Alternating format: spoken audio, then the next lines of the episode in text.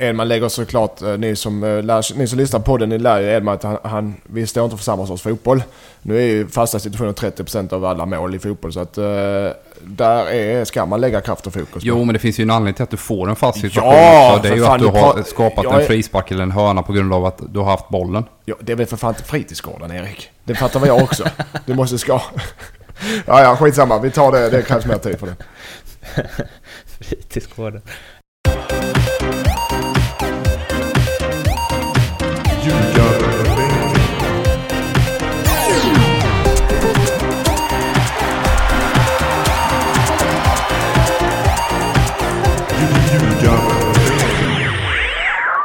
Ljugarbänken är det här, Nordicbets podcast om allsvenskan i fotboll.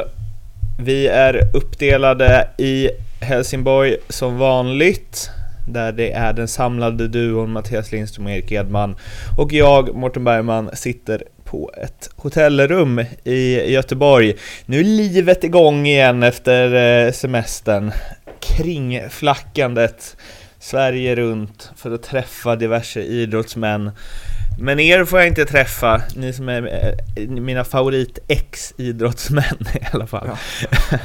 Men eh, jag får ju prata med er en gång i veckan och det är ju kul. Och så hur mår ni? Mår bra tack. Eh, och jag, jag ser mig fortfarande som idrottsman. Jag spelade med TV-laget för några dagar sedan. Det är väl i sig det längsta du kan komma att vara idrottsman. Ja, det är ju, alltså, det, det hade ju varit höjden av ironi någonstans om ni hade hetat ehm, eh, TV-lagets atlet och idrottssällskap. ja, det, När var du med i TV senast Mattias? ja, Erik Edman. Det är en jävligt bra fråga. Men Mattias, är, han, står för, han kvalar in på laget-grejen. Mer än Ja, på TV. exakt. Det är, du, men det är någonting som vi har, jag orkar inte ta en diskussion med, men han har aldrig förstått laget för jaget. eh, för att det är det största egot som någonsin finns. Men vi kör vidare. Jag mår bra tack Mårten. Ja, Erik, hur mår du? Jag mår jättebra. Mm, Det är fint väder här som vanligt i det här landet så att det är bara att njuta på. Mårten, en grej, jag vill bara höra dig säga det. För jag vet, du som flackar runt så mycket i Sverige och jobbar på olika ställen i Sverige. Var, vilket område är bäst i Sverige? Eller var trivs du bäst? Eh, vadå? Jag, jag ska inte specificera stad då antar Nej, alltså vilket landskap? jag? Eh, Skåne. Ja, bra. Det hörde alla det. Alla lyssnar. Ja, men det är eh, Skåne i, i mitt hjärta, som den där gamla klassiska låten går. Eh, vi ska förstås prata igenom den allsvenska omgången som har varit, men först så ska vi as usual till Tvååker och höra hur läget är där. Ja, det är eh, okej. Eh, vi har eh, omstart mot Åtvidaberg borta på söndag. Då börjar division 1 södra igen.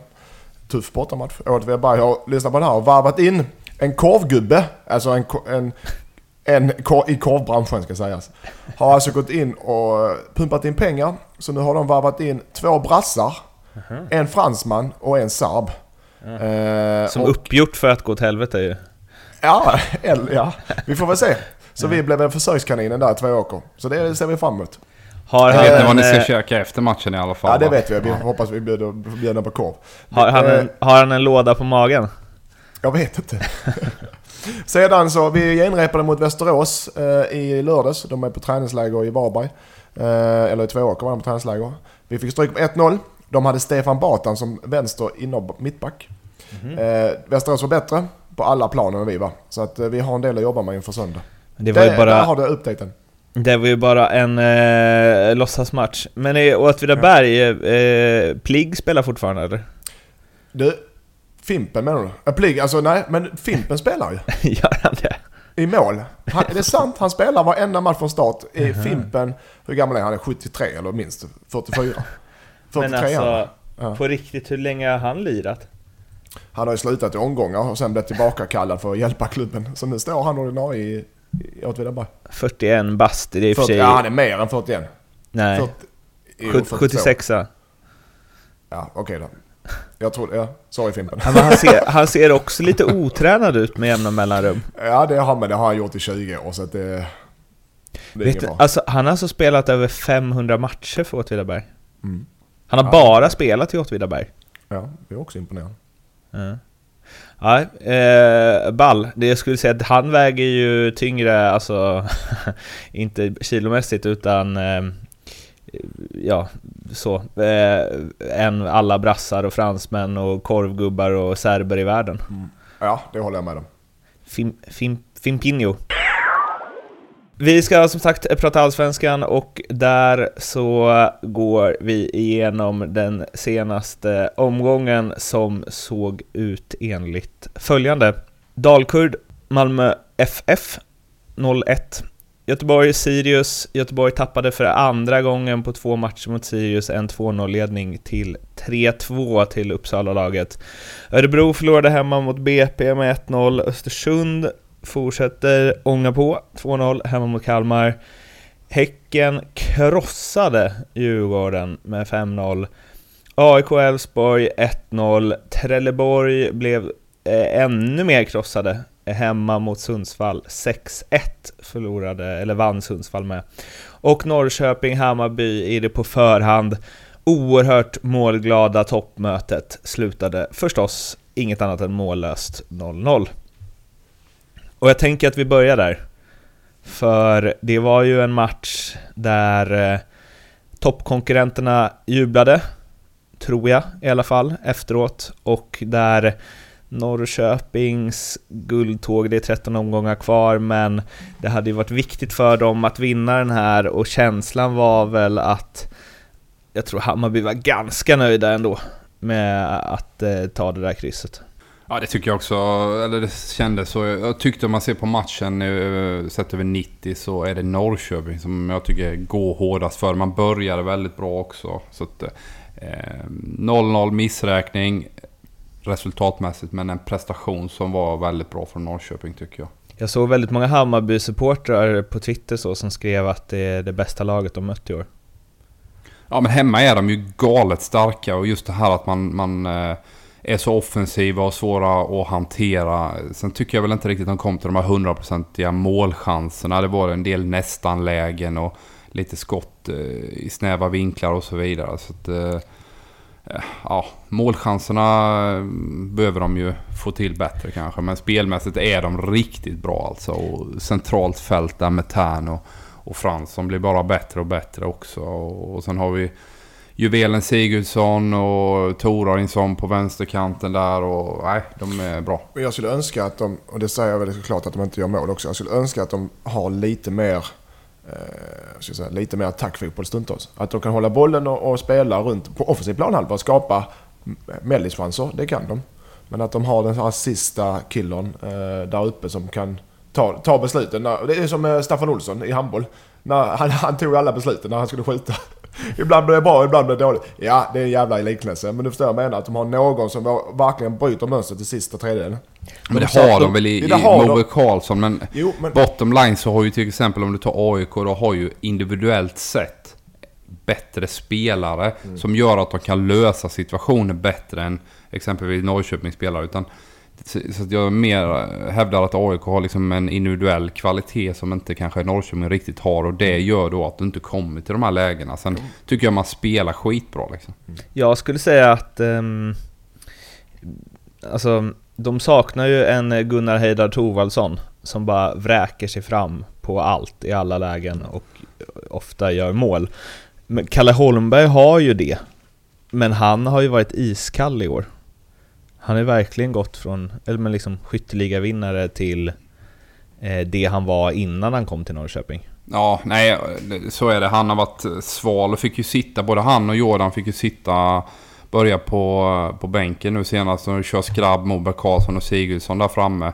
Eh, och det är väl också någonting som, som eh, är ett problem såklart när, när du inte har en toppstriker som avgör matcher. Och liksom det är ju så enkelt att, att uh, har du en person som petar in bollar som Paulinho eller ja, Henok har gjort lite mål nu på slutet också. Det gör ju också att du, då helt plötsligt kan du spela på motståndarnas misstag och, och, och liksom de måste öppna upp sig ännu mer. Ofta blir det ju för Norrköpings del när man spelar hemma att folk ligger lågt. Även Hammarby låg ganska lågt i perioder och låste, låste Norrköping. Och då fanns kanske inte riktigt den här individuella kvaliteten att låsa upp eh, motståndarnas försvar. Det är det jag menar, det är för lätt för att låsa dem. De har sitt spel i sista trädet och de har sina kombinationer. Men så länge du står i en position och lite så kommer inte tillräckligt många eh, löpningar igenom. Det kommer inte tillräckligt många löpningar i det offensiva framåt i sista Ja men det trädet. kommer ju det, men det Ja, men är inte i individuella kvaliteterna som inte är på Ja. samma nivå som AIK. Ja, men jag tycker de är för dåliga på sista trädet att verkligen döda, dö, få avsluten på, eh, på sina anfall. De får inte avsluta sina anfall ens, det är det som är grejen. Får de avsluta sina anfall ens, men de får inte avsluta dem ju. Om, ja, jag håller eh, inte riktigt med Mattias där, ja. men okej. Om, eh, om man ser på Hammarby där, de, alltså...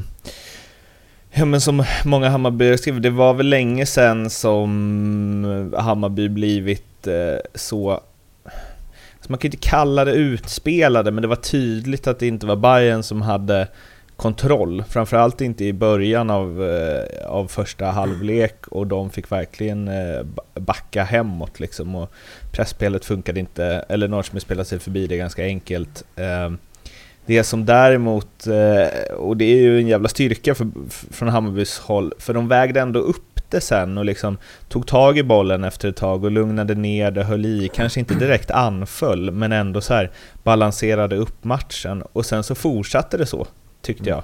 Att Norrköping ägde 10, Bayern ägde 10. Utan att, som sagt, det kom inga riktigt heta målchanser, men det var ändå ganska... eh, Det var ganska trevlig match att titta på. Ja, ja nej, men Hammarby var väl, eh, det var väl medvetet val kanske att ligga lite lägre eh, mot, borta mot Norrköping kan jag tänka mig. Och sedan är det... Alltså jag tror inte det är medvetet Ja, val det är möjligt att att Norrköping Norrköping pressar så bra. tillbaka. Ja. Men oavsett så Hammarby är såklart mest nöjda med det resultatet.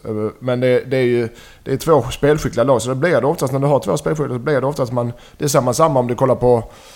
Vad ska jag säga? Och kolla ikväll på Real Madrid Atletico Madrid i Supercupfinalen. Det sa du säkert också. Ja, 10 minuter har Atletico bollen, 10 minuter har Real Madrid bollen. Och så är det väl egentligen, Erik är inne på, de som har spetsspelarna. Det är två CM-lag som har, brukar avgöra matcherna. Eh, för det, det, det är Nor- både Norrköping och Hammarby som jag ser det, två topplag i Allsvenskan med jämn kvalitet. Det är två jämna lag alltså. Jag, menar bara, jag tyckte det var starkt av Bayern att liksom inte... De redde ändå ut det. Och det var hyfsat Mm. I förhållande till... Eller det kändes som att så här, de hade hyfsad koll ändå. Även om liksom Norrköping öste på. Men 0-0 tyckte jag... Visst, Hammarby kanske var mest nöjda med det, men jag tyckte det speglade matchen rätt bra. Ja, Faktiskt. i- alltså i form av chanser så tycker jag det gjorde det. Spelmässigt tycker jag ju Norrköping är strået vassare. Men som du säger lite, alltså Bayern har ju ändå tagit sin verksamhet till ny nivå. Att man har spelat väldigt bra fotboll i otroligt många matcher, men man kan också eh, gräva fram ett resultat när inte alltid spelet eh, stämmer eller motståndaren kanske är bättre för dagen. Och det är ju styrka. Och, eh, med de toppspelarna man har så kan man även vinna den typen av matcher. För man kunde vunnit på slutet också. Tankovic har ett bra läge där va. Eh, Han ska lägga den på högerfot. Varför han nu ska göra det? För han ska trycka med vänstern då. Mm, ja, i det, när han bryter Ja. bakifrån. Ja. Ja. Eh, en grej om, eh, en grej om Norrköping som ju, här har ju e-, e-, Erik hyllat innan, men eh, jag skickade ju den tweeten till dig också Erik, men en kille som heter Erik Järnberg på Twitter skrev efter matchen, den här 18-årige islänningen i Peking, hade han spelat i en Stockholmsklubb så hade han varit aktuell för Real, Barca och Juventus. Största talangen någonsin i Allsvenskan. Undantaget Hasse Blomqvist såklart. och, eh, hans för, kom, första kommentar han fick var Nu glömmer du Sunday Bale när han kom fram. eh, om än i Superettan. Men ehm, då var det förstås någon som bara, största talangen någonsin, Alexander Isak, eller har du glömt Alexander Isak? Varpå Erik Jernberg svarade att eh, eh, nej, det är klart jag inte har, men jag, jag tycker bara att islänningen är snäppet vassare. Eh, den här grejen hör man ju ofta från klubbar som är mindre än eh, ja, AIK, Djurgården, Hammarby, Malmö, till viss del även i IFK Göteborg. Men ehm, stämmer det? Alltså du Nej, har sagt, att, är- du han- har sagt är- att han är 3 miljoner euro, eh, Ja, men Erik. alltså, hade jag- han varit 5 baserar det miljoner på- euro om han hade spelat i AIK? Ja, eller Malmö. Jag menar Svanberg fick man 5 miljoner euro för. Och det är där det landar någonstans. att Hanterar du som ung spelare att spela i en, storklubb med den press och stress och som, som, finns där så, så klart att prislappen går upp också. Eh, lägger du där till att, att eh, du har varit ute i Europa och spelat europeiska matcher så får du ytterligare ett kvitto. Är han också landslagsspelare eh, på absolut högsta nivå då liksom, så, så ökar prislappen ännu mer. Och sen tror jag också bottom line att Isak till exempel, en annan spelare, anfallsspelare, går för mer pengar. Eh, dessutom är Isak svensk, Svanberg är svensk. Det är också i sig ett kvitto på att eh, man, man liksom är på en, en, större fotbollsnation. Om du jämför Alexander Isak eller en, en stor talang i, i franska ligan som, som har gjort samma saker så kommer han gå för betydligt mer pengar än Alexander Isak och så vidare. Så det, det ligger ju där va. Ja, de kollar som du sa, de kollar ju mycket på eh, att, att han är en duktig spelare, det, det, det vet vi. Men det, det, är precis som du tränar i AIK och du tränar i, i eh, Jönköping Södra. Du har inte samma press. Du, du får betalt för pressen, du får betalt för miljön du jobbar i också. Eh, precis som spelarna får. Har du en spelare som klarar den pressen som innebär att okej, okay, Malmö FF och AIK ska vinna varje match. Annars blir du, får du paj på dig. Mm. Eh, då blir du starkare mentalt och blir bättre som spelare i helhet oftast. Och det vet klubban om. Där tänker jag, de här två målen som Alexander Isak gjorde, det var väl på hans 17-årsdag som han gjorde båda målen mot eh, Djurgården i derby. Det, mm. det tänker jag är 25 miljoner plus. Ja, det men, när du spelar i större klubbar så får du också mer uppmärksamhet i media. Mm. Men jag menar såhär, när en utländsk klubb det... ser att han gör två mål i ett fullsatt Stockholmsderby och ställer sig med armarna ut mot motståndarklacken efter en av dem, så säger det ju något. Ja, det, är det, men det, blir, det blir en helt annan marknadsföring i ja. större klubbar i Sverige också. Ja, men, det, och det, men det blir också så här, han viker inte ner sig signalerar ju det. Nu tycker jag inte det spelar någon roll. Men visst, ja det blir ju så. Men så lättlurade är inte klubban heller. Att de, de går i den fällan. Och nu gjorde han mål i ett derby. Nu ska vi... Det var 20-30 000 på läktaren. Det skiter de nog i. Nej men det, det, man vill ha ett kvitto på när du, när du jagar spelare som köpande klubb. Det är att kan han klara det hos oss på en större scen? Det är ju det man är ute efter. Och alla de här sakerna som jag sa eh, gör ju att prislappen går upp om du är en toppklubb. Sen så Isak-caset där med den affären, den var ju Eh, och det har vi läst i alla möjliga olika tidningar och, och media liksom att, att det var ju en mysko-affär som blev till på slutet och sen eh, tre månader senare ramlar Kirpic och Vredoljak in hos AIK som har ju svårt att se att inte det har någonting att göra med Isak-affären ja, också. Mm. Eh, när man summerar eh, ja, hela den eh, transfern då. Ja, framförallt sett till hur de presterade. Eh, men jag, jag har ju sagt det förut att jag kan ha lite Ja, men jag kan tycka att det är svårt att liksom, jag har inte det fotbollshjärnan så jag kan scouta spelare eller så säga vilka som kommer bli bra eller inte bra. Och i de flesta fall så tänker man så här, oh, snabb, teknisk, utmanar mycket, eh, han kan nog bli bra. Men med Arnold Sigurdsson så ser till och med jag att han liksom, för det, han, han har ju den spelstilen. Men man, man ser ju att han är smart. Det ser ut som att liksom, det går allting... Han har lite mer tid på sig hela, hela tiden. Han ja, är liksom nej, han, en Daniel Sjölund med speed. Ja, nej men han, han, är, han är jättemogen i sitt spel så att det skulle förvåna mig otroligt mycket om inte Erik Hamrén plockar ut honom nu eh, till, eh, till nästa landslagssamling med Island. För han är ju bättre än Traustason och de här typen av spelare som är med i den där truppen eh, idag, enligt mig i alla fall. Så att eh, han ska med definitivt. Tror du att han lämnar Allsvenskan till nästa säsong? Ja, han kan ju lämna redan nu eh, om, om det ramlar in ett bra bud på honom såklart. För fönstret är ju stängt i England men i stora delar av övriga Europa så är det fortfarande öppet. Så att då har du 31 augusti där också. Så att kommer ett monsterbud som de inte kan säga nej till så så det är klart att då kan han dra redan nu, men till 19 är han ju borta garanterat. Ja, du tror det? Ja, det tror jag. Okay. Det, det kommer... Får de de pengarna då så är det ju en hyfsat bra affär med tanke på hur länge han varit i klubben. Eller, ja, men de har, de har ju scoutat. De hade ju en islänning till som de skickat till Landskrona nu som inte riktigt lyckas då eh, hos Norrköping. Så att, eh, de, har, de har varit modiga. Alltså grejen är också att de, de är ju modiga med att slänga in dem tidigt liksom. Och då är det klart att kan du då leverera som ung så helt plötsligt eh, bara... Alltså stiger prislappen radikalt eh, efter ett par bra prestationer. En annan match värd att lägga lite extra fokus på är ju att Djurgårdens IF åkte till hissingen och fick sig en överkörning modell större. 5-0 torskar man med.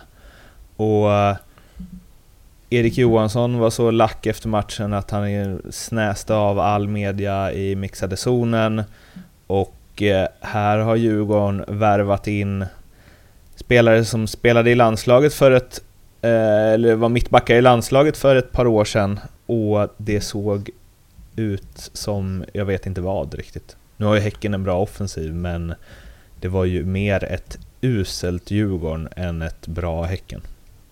Ja definitivt. Jag gjorde den där matchen också så jag, jag satt och kollade hela 90 där och eh, eh, det, det som Djurgården gjorde väldigt bra i våras när man till exempel slår AIK i derbyt i kuppen och som ofta fortsatte sen också även i serien. Det var ju att man var kompakta. I den här matchen var ju Djurgården helt off eh, vad det gäller sin eh, positionering. Man hade man gick högt med ytterbackar när man hade boll. Man låg väldigt brett med yttermittfältare som gjorde att man sen när man tappade den var man ju helt utelämnad defensivt. Och Häcken är ju otroligt allsvenskans de senaste åren bästa omställningslag på offensiva kontringar. Spelade loss bollen diagonalt och sen var det full fart. Nasser Mohammed, Irandust, Paulinho, de bara körde sönder Djurgården. Och Walker och Karlström, de försökte täcka och greja men det, det, de hängde inte med där på grund av att eh, positioneringen då på de här fyra offensiva spelarna. Eh, Badji, Emrabti, eh, Bergkrot och eh, Ring var helt, de var helt väck alltså. Eh, de var helt, eh, alldeles för breda yttermittfältare för att kunna hjälpa sina innermittfältare. Eh, så de var, de var ut, utsträckta väldigt tidigt i matchen och det kunde blivit mer också. Och de borde ha redan efter en halvtimme borde de korrigerat det där taktiskt tycker jag Öskan. För att eh, man såg vad det barkade men man gjorde inget utan eh, 2-0 i paus och sen eh, försökte man göra en förändring. Man flyttade upp sin backlinje, ligga lite högre för att vara kompakta. Men då åkte man på en omställning efter fem minuter i andra och så var det 3-0 och så var det godnatt. Inga jämför, alltså nu och nu vet jag inte, nu chansar jag lite här. Men jag såg, förutom den så såg jag också mm, Liverpool-West Ham och förstås på en helt annan nivå. Och Paulinho, Irandust och Nasiro är ju inte Salah, Mané och Firmino. Eh, och Häckens omställningsspel må vara bra men det är ju inte Liverpool-klass på det.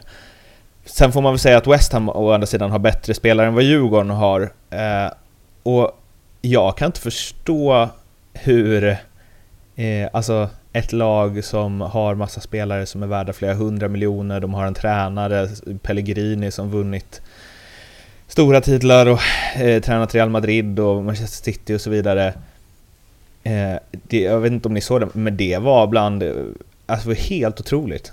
På tal om så här höga ytterbackar som inte låg rätt i försvarsspelet och backarna, eh, rest, alltså alla spelare stod bara så och slog ut med armarna åt varandra. Det verkade inte som att någon visste vart någon skulle vara.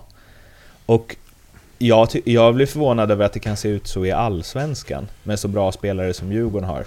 Men när det till och med kan se ut så på absolut högsta nivå. Jag tror det, det bottnar i en eh, ja, brist på ödmjukhet inför en motståndare. Eh, han har ju säkert offensiva tankar som de har jobbat med på försäsongen. Eh, där man ska ligga brett och man ska ha passningsvinklar och, och alla de här bitarna. Men som gör att du också blir utspridda. Och om du tittar Djurgårdsmatchen så var det väldigt, väldigt tydligt att här har vi en organisation som inte alls funkar. Och det såg man redan efter 25 minuter att det borde man korrigera. Det var samma säkert med West Ham. Jag såg inte den matchen men, men eh, att man har en eh, naiv ingångs... Eh, ja, ingång till den här matchen. Många, många, när man spelar 4-4-2 som Djurgården gör så tror ju beroende på match, men att om du släpper anfallarna och du släpper yttermittfältaren lite i det offensiva spelet så ska du kunna klara dig bra med, med fyra, om du håller kvar bägge ytterbackarna och, och två sittande mittfältare så ska du klara det egentligen utan större problem. Mot ett, eh, men sen mot ett attackerande Häcken på hemmaplan så kanske du får hålla det, eh, får man ju hålla sig yttermittfältare för de, får de som eh, en man så får de fritt löp så då, då swishar det ordentligt, då går det snabbt.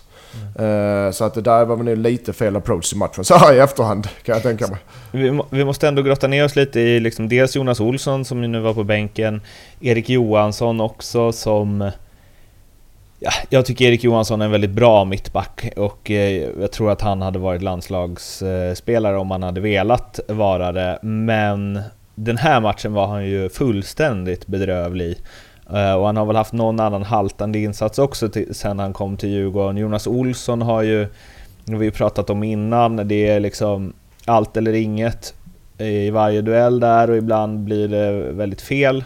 Eh, men det, det jag känner kring det är ju att här har vi två spelare som för inte allt för länge sedan spelade i landslaget, som har varit ute och spelat Champions League, som har spelat Premier League. Um, ja, inte Erik Johansson då och inte Jonas Olsson Champions League, men ni fattar. Och av det jag sett hittills, måste, då, det jag känner är så här, är, är de, var de inte bättre? Än så här? Den kan, nej, men den kan du ta Erik eftersom du har varit i samma... Jag kommer också vara hemvändare men jag kommer inte från sån nivå som... Erik kommer från Premier League till, till Allsvenskan. Så du mm. kan väl ta hur du tänker ja, där. Verkligen. Ja, men det, det, är klart att för en sån som Jonas Olsson, Kim Källström och Isaksson till exempel som, som har varit ute i 10 år, 15 år, vissa har dem. Att det är en stor omställning. Eh, där kanske där man är van att saker och ting funkar på ett visst sätt. Eh, det finns en professionalitet som ibland baseras på att man har en jävla massa pengar att röra sig med i de verksamheterna man har, man har eh, liksom arbetat för. Eh, och så kommer du hem till, till lilla allsvenskan och så, så är du kanske... Förstår du det till en början men allt eftersom som tiden går så ser du att saker och ting funkar inte som, som det gör ute. Och Eh, det i sig föder en frustration. Så är det klart att eh, om du tittar Jonas Olsson, hans kvalitet som spelare, spelare är ju eh, att, att jobba mycket med nickdueller, eh, eh, det här fysiska spelet i ett West Bromwich som krigar, ligger lågt med sin backlinje. Här kommer han till ett eh, konstgräslag, Djurgården, som har en ambition att spela och föra matcher. Så hans kvalitet som spelare passar ju sämre i Djurgården än vad det gjorde i eh, West Bromwich. Sen tycker jag ändå Jonas Olsson har gjort det bra utifrån eh, ja, sina kvaliteter måste jag ändå säga.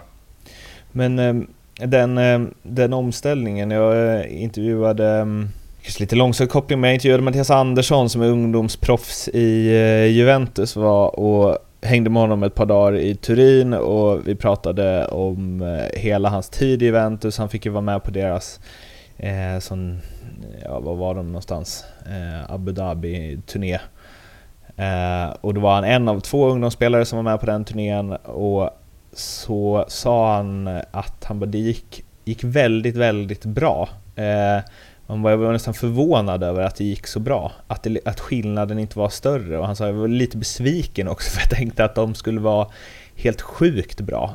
Men att så här, ah, jag, jag gick ändå in där och liksom fick beröm av Allegri och kände att det funkade, liksom plockade bort Dybala några träningar och så.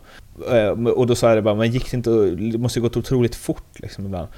Vilket han var med på, men han sa det, det är ju också en annan grej när, han bara, när jag kommer dit, för att jag får passningen från Dani Alves och sen som är liksom helt perfekt och sen slår jag upp den, kanske inte en helt perfekt, men det spelar ingen roll för det är till Pjanic.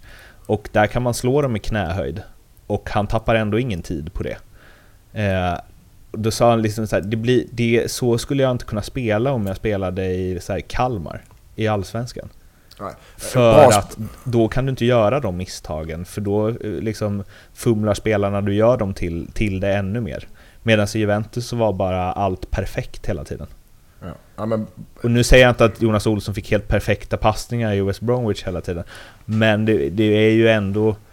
Det är ju en skillnad där liksom. Ja, men ofta generellt sett så är det ju så här att det är lättare att anpassa sig till en bättre nivå än att ställa om till en sämre. För det föder ju en frustration mm. hos dig som individ och det är lätt att du börjar fokusera på andra grejer än just ditt eget spel. Här kommer Mattias Andersson upp får en chans, är ödmjuk, spelar enkelt, kommer in i det, gör det bra. Plus att för honom var varje träning där med Juventus en, en Serie A-match medan Dybala de kanske gitt på 75-80%. Mm. Förstår du vad jag menar? Och, och det är det med, med Jonas Olsson och Kim Källström och Isak när de kommer hem.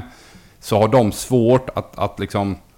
Eh, ja, hitta motivation för sig själva när de känner att saker och ting kanske inte funkar som de är vana vid. Och det i sin tur drar ner dem lite grann då. Ja, deras nivå och deras eh, kvaliteter också då ganska snabbt. Det, där eh, tas ju alltid Teddy Lucic upp som ett exempel på någon som alltid var så bra som nivån han spelade på. som ja, aldrig hade problem det, med det, och det är som jag säger, det är svårare att gå ner i tempo, gå ner i divisionerna. och hålla kvalitet än att gå upp eh, oftast för, för en sån spelare, för en bra spelare. Alltså. Det finns ju en tydlig, ett tydligt exempel i Allsvenskan nu, skulle jag säga, på också så kvalitet, alltså Robin Jansson i AIK som var en dimension 1 mittback liksom. Men han har ju, det han har är ju han är, han är bra med fötterna och lugn och trygg med bollen.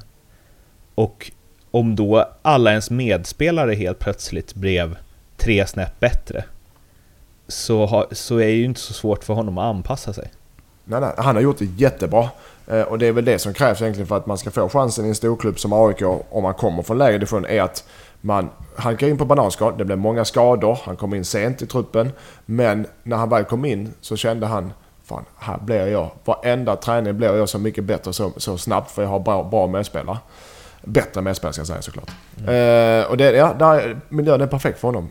Han utvecklas. Varje dag så tar han steg framåt. Och i Isa, eller förlåt, i, eh, om vi pratar Jonas Olssons fall eller Kim, så varje dag så tar de antagligen lite snäpp neråt i sin karriär och i sin mm. kvalitet. Men spelare som kommer underifrån varje dag tar ett snäpp uppåt. Det är väl den jämförelsen man kan göra. Som Erik när han kom hem till Helsingborg, varje dag så blev han sämre och sämre och sämre.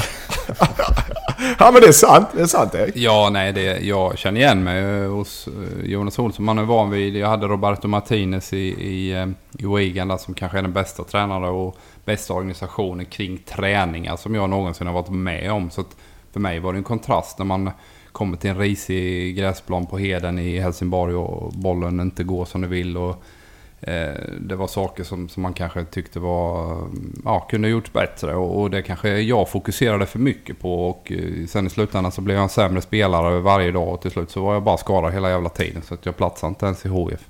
Men, men Erik, kände du där, alltså eh, tänker man så här att de andra tänker Fan, han, han kommer ju från Premier League. Borde inte han vara bättre än så här? Alltså blir det en press också? Nej, alltså inte för, alltså det var säkert Lindström och de andra som, som kände så, men det var ingenting jag reflekterade utöver. Men mest att jag var frustrerad över att jag själv inte klarade av till slut efter två år att att leverera det jag eh, ja, var van vid själv att kunna göra. Va? Så mm. Det var väl mer den, den uh, känslan att uh, man blev sämre och men, sämre men utan säger, att vilja egentligen inse det. Det säger så enkelt. Du kommer från Premier League och alla som kommer från Premier League. Och då var det, du kommer, det är sämre tränare. Det är sämre spelare, medspelare, det är sämre, mycket sämre förutsättningar. Eh, allting är sämre såklart i HF än eh, i Allsvenskan än i Premier League. Så det är klart att man som spelar själv, när de är på dekis i karriären egentligen, det är svårt att hålla uppe en hel organisation och en hel tränare och, helt, och ett helt lag själv. Det är inte lätt alltså. Vi ska förstås eh, in och grotta i IFK Göteborgs fortsatta, ja, förlåt att jag skrattar till lite alla Blåvitt-fans där ute, men det är ju någonting i hästväg det här. Eh, två gånger om tappar de 2-0-ledning till 3-2 förlust mot eh, Sirius. Och eh, visst, de kanske inte har de största eh, spe, eh, fotbollsmässiga kvaliteterna i truppen och som vi varit inne på, Poja har att jobba med. Eh, men det här handlar ju om någonting annat också. Det här är ju liksom mentalt. Na, ja, när, ja, när de eh, såklart, när de har matchen i färsk minne, eh, vändningen där och så exakt samma, eh, ungefär exakt samma eh, utgångsläge, då sätter det sig mentalt i huvudet. Det är såklart att det, det gör det. det. Alla kan ju förlora matcher eh, efter, om man, fast man leder med ett par mål. Men i Göteborgs fall så har det, har det satt sig både bland spelarna men jag, kände, jag såg även att publiken eh, kände att fasen det blev, det blev kalla kårar så fort Sirius gjorde mål. Så det smittar också av sig på spelarna och publiken. Hela organisationen i Göteborg eh, doftar ju osäkerhet och eh, eh, frågor egentligen. Och det är likadant på planen tycker jag. Det, det, hela organisationen har den, har den auran över sig att det är stora, stora frågetecken överallt. Hur hanterar man en sån här grej? Vad, vad, alltså, för att det är ju uppenbart att det är sköra psyken hos eh, Göteborgs spelare.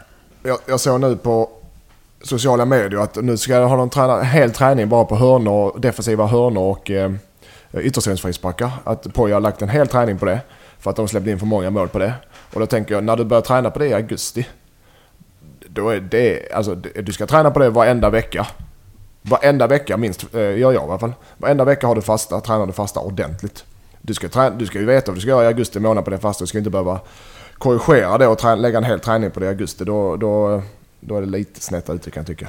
Då kan jag också, med tanke på de, hur de verkar vara ställt mentalt där, så kan jag tänka att det kan få mot, eller så här, det säger ju någonting om min psykiska styrka också, eller så här, icke be- befintliga psykiska styrka. Jag hade blivit ännu mer nervös inför nästa match. Att bara, fan nu har vi tränat på det, nu kan vi verkligen inte fucka upp det här. Nej men exakt. För det är, det är ju det som är, det som är risken. Att du liksom påminner spelarna om att fy fan vad dåliga ni är på fasta grabbar. Så att så fort det blir en hörna så blir det ännu farligare än vad, än vad det var innan. Men det är som du som tränar, även som spelare. Okej, vi har match på... Vi spelar match på lördag. Och på fredag då ska vi träna pressspel. Eller vi tränar fasta på fredag. Då förväntar du... Då, då tror man sig, ja men bra, nu har vi tränat det, nu ska det fungera imorgon. Ja men det är Så dålig tränare tror att Ja men det menar det. Så, så kan man inte göra heller. Man måste träna på en längre tid. Och det är det jag menar. De, de måste ha tränat på det här en längre tid. För han kan inte träna fasta en, en, timme idag och tro att det ska fungera i matchen. Jag skulle Det- säga att det är större risk att det blir något negativt av Ja, det exakt. än att... eh, För att jag... Fast så här, jag kände ju alltid så. Vad vi än tränade kände jag så här, åh, är jag så dålig på det här att jag måste träna på det? Det var liksom aldrig så här eh, positiv känsla kring det. Men, eh, det, men... och- det var väl... eh, Var det inte Liverpool förra säsongen? Som var så dålig, eller liksom med tanke på att de ändå körde på rätt bra i både Premier League och Champions League så var de väldigt dåliga på defensiva fasta. Ja, de började ju säsongen katastrofalt och släppte in. De började väl första matchen mot Watford där förra året där de släppte in två, tror jag. Exakt. Två på fasta och sen bara fortsatte det ganska långt in på hösten och det blev en snackis. Och, fick väl ordning på det då efter att van Dijk kom in kan man väl säga runt jul där. Men innan dess var det ju Hoola Baloo på varje. Men jag tror ju att det är klart att man ska, som Lindström säger, det är helt rätt. Man måste kontinuerligt jobba med det. Men Eh, ska du liksom avsätta en träning, jag vet inte om han hade gjort det nu, men det är klart att det, det finns ju en påtaglig risk att, att problemet egentligen bara blir ännu större för att... Eh, Ja men till och med liksom- på Liverpools nivå så tror jag att det blev ett större problem. Ja, men sen, sen så har du ju på sociala medier och alla snackar om det så att du, liksom, du blir ju ändå påminn om det. Så att eh, du, du måste jobba med det, men du måste jobba med det dagligen eh, kontinuerligt. Eh, Edman lägger såklart, ni som, lär, ni som lyssnar på den, ni lär ju Edman att han, han, vi står inte för samma sorts fotboll. Nu är ju fasta situationer 30% av alla mål i fotboll så att där är, ska man lägga kraft och fokus på. Jo, men det finns ju en anledning till att du får en fast situation. Ja, det är för ju att du har skapat en frispark eller en hörna på grund av att du har haft bollen. Ja, det är väl för fan inte fritidsgården Erik? Det fattar väl jag också. Du måste ska... Ja, ja, skitsamma. Vi tar det. Det krävs mer tid för det. Fritidsgården. Eh, men... ehm, eh, hur, hur känner du kring ditt vin, Erik? Jag känner att den flarran är på väg upp till Uppsala eh, ganska snart faktiskt. De Ja. har ju en sjuk form här nu. De har fyra raka vinster.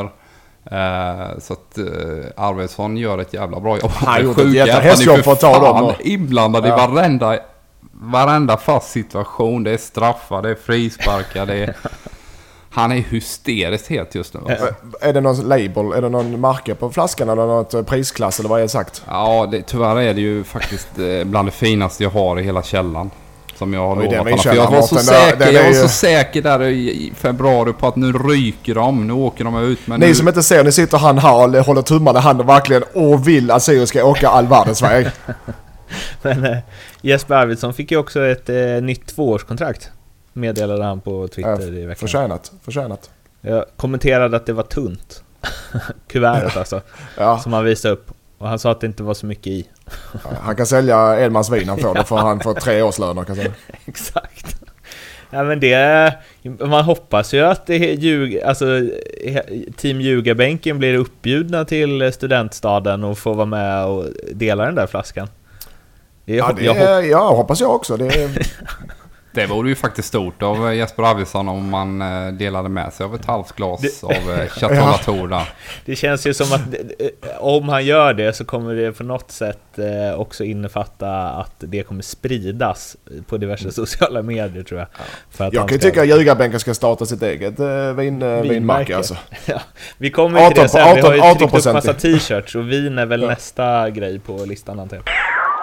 Vi ska hoppa vidare och prata om eh, Östersund. Lite snabbt om Östersund, för vi ska ju också eh, avhandla AIK Elfsborg. Men eh, 2-0 mot Kalmar och jag snackade med min gode vän Oskar Månsson om, ja, vi gick igenom liksom toppen av allsvenskan och då, jag kommer inte riktigt ihåg hur han uttryckte sig, men det var något i stil med så här, ja, Östersund, eh, jag vet inte vad de gör, men de bara fortsätter.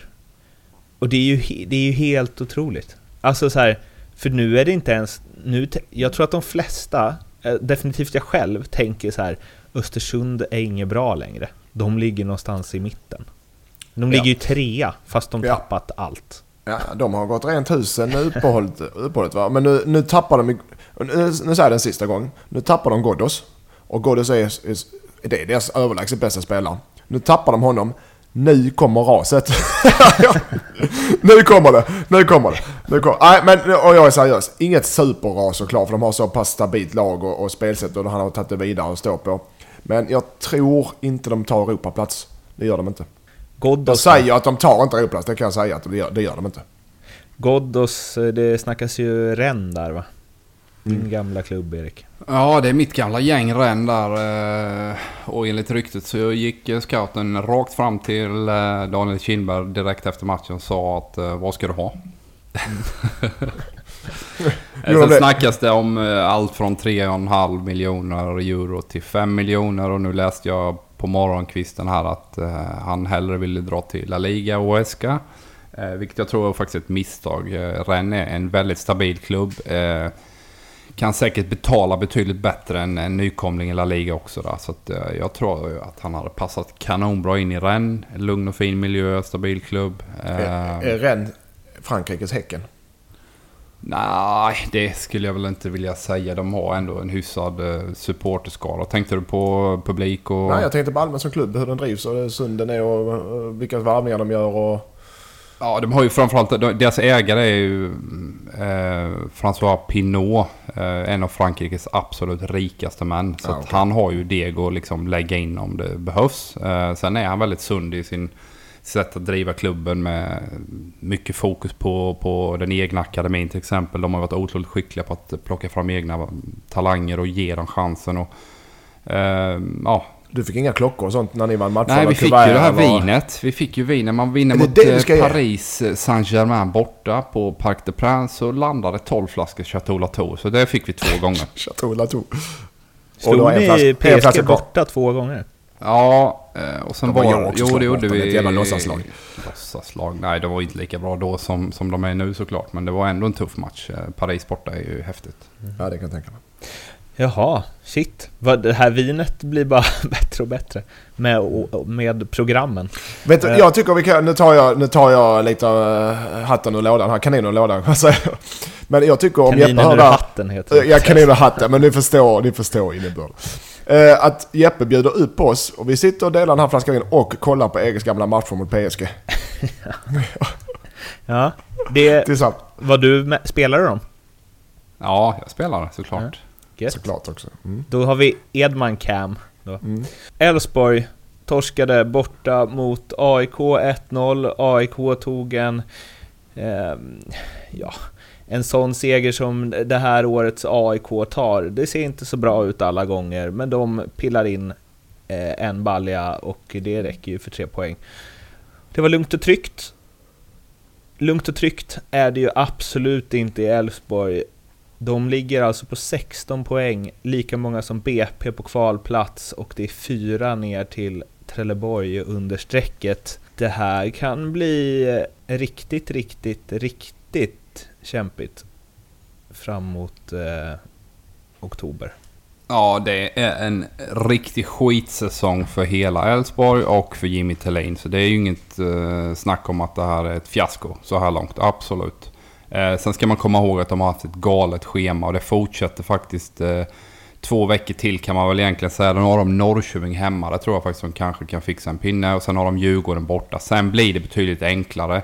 Eh, om man tittar lite mot Blåvitt så har de haft ett enklare schema. Och får de här toppmatcherna nu eh, under hösten. Alltså jag tror ändå att Elfsborg kommer börja klättra. Eh, vi har Örebro som går som ett sänke nu. De har en för smal trupp och mm, så fort de har avstängningar och någon skada så, så får de svårt att få till det. Kalmar har också sett lite stabbiga här nu ut där, eh, i alla fall efter sommaren då. Så jag tror att Elfsborg kommer komma före de tre lagen med Blåvitt inräknat. Men just nu är det jättesvagt. Jag tyckte ändå första halvlek att de försvarsmässigt gör det svårt för AIK. Hade en bra taktik. Eh, Snacka om att de tätade i mitten, centrerade sitt mittfält och lät Per Karlsson ha bollen mer och försöka eh, ja, ligga rätt kan man säga. Men sen är de för tunna i omställningar. De har inte ett självförtroende där. När de har chanser att gå på kontringar på omställningar så vänder de ofta tillbaka. Så att, eh, just den här helheten att kunna växla mellan offensivt och defensivt, där funkar det inte hos Elfsborg. Det ser man ju självförtroendemässigt att de är jättesvaga. Ja, där har du Elfsborg är såklart inte bra, det behöver vi inte nämna. Men att när du har... Nu sätter det sig så mycket på eh, huvudena på spelarna. De har alltså inte gjort mål på fem matcher. Fem matcher i Allsvenskan. Det, men det, mot Östersund skulle de ja, gjort mål för ja, de hade... Ja. Det är skitsamma. Jag, jag håller ju med dig, men skitsamma att det sätter sig i huvudet. Fan, vi har inte gjort mål på fem matcher. Det sätter sig, det, det gör det ju omedvetet. Fast de är nära att göra mål, fast de spelar hyfsat och är nära och det är ribba och det är stolpe och det är allt vad det kan vara. Men det har fortfarande inte gjort mål på fem matcher. Det, det är tungt att ta sig över den barriären som spelare. Mm. Framförallt som offensiv spelare. Mm. Ja, men alternativet då Mårten, vad är det? det? Ska man kicka Jimmy Tellin och satsa på en mer rakare tränare då som Lindström kanske förespråkar? Eller ska man fortsätta köra på? Det förespråkar jag inte. Jag har inte sagt det, jag har jag aldrig sagt. Nej, jag, jag undrar. Ja. Det var en fråga som jag slängde ut här, Mattias. Ja. Du frågade Mårten vad han tycker. Mm. Ja. Vad tycker du Mårten? Jag vet fan. Jag tror Elfsborg kan åka ur. Nej, det, ah, det nej, det kommer de inte göra. De kommer få ordning på det här i höst. Och det kommer vara helt okej. Okay. Eh, efter de här två omgångarna så kommer de göra en helt okej okay resa. Men säsongen sammantaget kommer bli en riktigt jävla flopp. Säsong för dem. Men att byta tränare till någon, någonting annat är ju helt fel. Och det är ju ett, ett kraftigt underbetyg till hela ledningen om man nu skulle göra det. Man har en ekonomisk situation. Förra året så läste jag någonstans att man går 10-11 miljoner back. Nu säljer man sin bästa spelare i Bali för att rädda ett underskott igen. Man sitter med en hel del äldre spelare med dyra avtal som man liksom inte kommer ur. Ehm, det är en kraftig uppförsbacke och man behöver göra saker men man har inte råd att förändra. Alltså, hur kan du vara så säker på att de inte... Jag skulle säga, i alla fall i ett kval, skulle jag säga att jag tror, jag tror att eh, Brommapojkarna har större chans att klara ett kval än vad Elfsborg har. Jag får ja, Helsingborgs feeling alltså. Ja, du har, alltså du har ju Dalkurd som redan åkt ur Allsvenskan och så har du eh, Trelleborg som är, som jag säga, väldigt svårt för att klara sig kvar.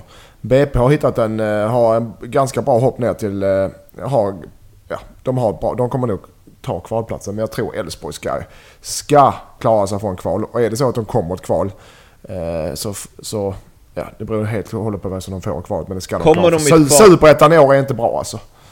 Kommer de i ett kval så åker de. Tror jag. Nej, det gör de. De kommer inte på kval heller. Liksom, det är ändå 13 matcher. Det blir det här korta perspektivet från oss i den här podden där vi bara analyserar eh, senaste matchen eller kanske de senaste matcherna.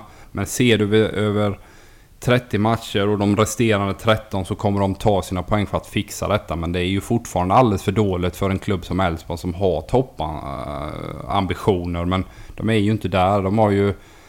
Ja, det är ju knappt så det är liksom, de täcker eh, en fjärdedel av den där stadion just nu. Det är ingen som tycker det är roligt att, titta på fotboll. Och det har ju dött lite den här håsen kring Elfsborg. Det är svårt i en mellanstor stad som Borås och, och liksom orka med hela tiden. Och det är klart att internt och externt i, i, i stan så sitter man och kollar på, ja men då var det guld och då vann vi kuppen och då var vi ute i Europa och spelade mot Napoli och Valencia och det här va. Men alltså nu är det en ny verklighet som de måste ta tag i och omfamna och liksom acceptera att eh, det är helt nya förutsättningar. Erik, hur många vinflaskor får jag om Elfsborg åker ur? Ja, du får en uh, fin uh, flarra av mig, men de åker inte ur uh, Mårten. Jag är 100% säker. jag, är, jag är vittne och alla lyssnar på det. Vi skulle haft med Leopold Neurath från NordicBet här, men de har någon jävla semesterdag på Malta. De har ju det titt som tätt. Det är, det är helgon som ska firas två gånger i veckan och det är ö-råd och så vidare, vilket gör att de jobbar inte riktigt alltid. Och idag är en sådan dag. Kan ha med vår framförhållning att göra också, men det är ett senare, annat kapitel. Däremot så har vi ju en eh, tävling här då, då. Det har ju kommit ljugarbänken tishor, ni kan se dem på vår Facebook och Instagram och Twitter. Eh, och om ni vill ha en sån så är det alltså följande som gäller. Eh, Nordipet lottar ut de här tishorna och ett Simor Premium eh, abonnemang i en månad där man kan se både Allsvenskan och Superettan. Och hur gör man för att ha chans på att vinna dels det abonnemanget men eh, också en ljugarbänken tisha då? Jo, då gör man så här, då lyssnar man på vad Erik och Mattias har dragit fram för tripplar nu och sen så ryggar man en sån trippel inne på NordicBet med 99 kronor. Inte en krona mer, inte en krona mindre, utan det måste vara exakt 99 kronor som man riggar den trippeln på. Och då har man alltså dubbel vinstchans, det är ett Simor Premium-abonnemang i en månad eller en ljugarbänken tisha. Eh, per trippel då, då så eh, det är alltså ja, två paket. Och eh, hur lyder era tripplar? Eh, min lyder så här att jag har resonerat att min nuvarande form är så jädra usel. Så nu har jag lagt fram en trippel där jag går helt tvärt emot vad jag tror. Det känns ju jävligt tryggt alltså för lyssnarna. Eh, IFK Göteborg, Östersund här. Och här spelar jag etta, kryss. Eh, sen har väl kanske en mer naturlig eh, nummer två här. Malmö-Trelleborg, hemmalaget vinner och håller nollan. Och sen avslutar vi med Elfsborg IFK Norrköping. Också etta kryss där. Och den ger 4,34 totalt. Mattias? Ja. Eh, jag är ju däremot har hybris och är övertygad om att jag kommer att vinna för det här kan vara den bästa trippeln jag plockat fram. Eh, plus att eh, Leo har boostat den för jag låg på honom. Helsingborg, Landskrona Boys. HIF vinner och över äh, 2,5 mål. HIF vann med 4-3 igår till exempel och kommer inte förlora en enda match till i Superettan i år. Så den är redan inne. Eh, och så har vi Elfsborg-Norrköping. Där tror jag att i under eh, ett mål fram till 30 minuten. Alltså det ska vara 0-0 innan 30, eh, fram till 30 minuten. Eh, där, det kan bli, ha läge att bli målsnålt den matchen. Eh, vi har Öster IK Frej och den här kryddar lite. Halvtid, fulltid, kryss, kryss. Frej, IK Frej är bra. Eh, mycket bättre än folk tror. Öster är på gång men inte tillräckligt bra. Så jag tror det blir kryss, kryss i den matchen. Det här ger 30 gånger, 28 gånger pengarna men eh, Leo har boostat till 30 gånger pengarna. 30 gånger pengarna! 30. Ja, det är en riktigt bra trippel. Du håller med? Du tycker ja, det är en bra trippel Erik? Köpa... Det tycker jag faktiskt Mattias. Mm. Jag fick en ja, del skit Mårten av uh, eh, HIFs assisterande tränare igår att jag inte hade satt min trippel senast. Så att, uh, ja, det här måste jag göra bättre nu. Mm. Sätter man, din, sätter man 99 spänn på din trippel Lindström och den sitter mm då har man råd med ett halvt glas av Eriks vin. Ja, det är ytterst tveksamt om du har det. Han sitter och flinar det är väl klart att det, det har du inte såklart. Det finns ingen människa som klarar det. Eh, ni följer oss på Facebook, Instagram, Twitter hoppas vi. Prenumererar gärna på Acast och iTunes och eh, hör av er så vi vet vad vi ska prata mer eller mindre om. Och in nu och häng med på de här eh, tripplarna med chansen på ljugarbänken, Tisha och Simor abonnemang. Vi hörs igen om en vecka. Tills dess, må så bra. Hej då! Hej hej!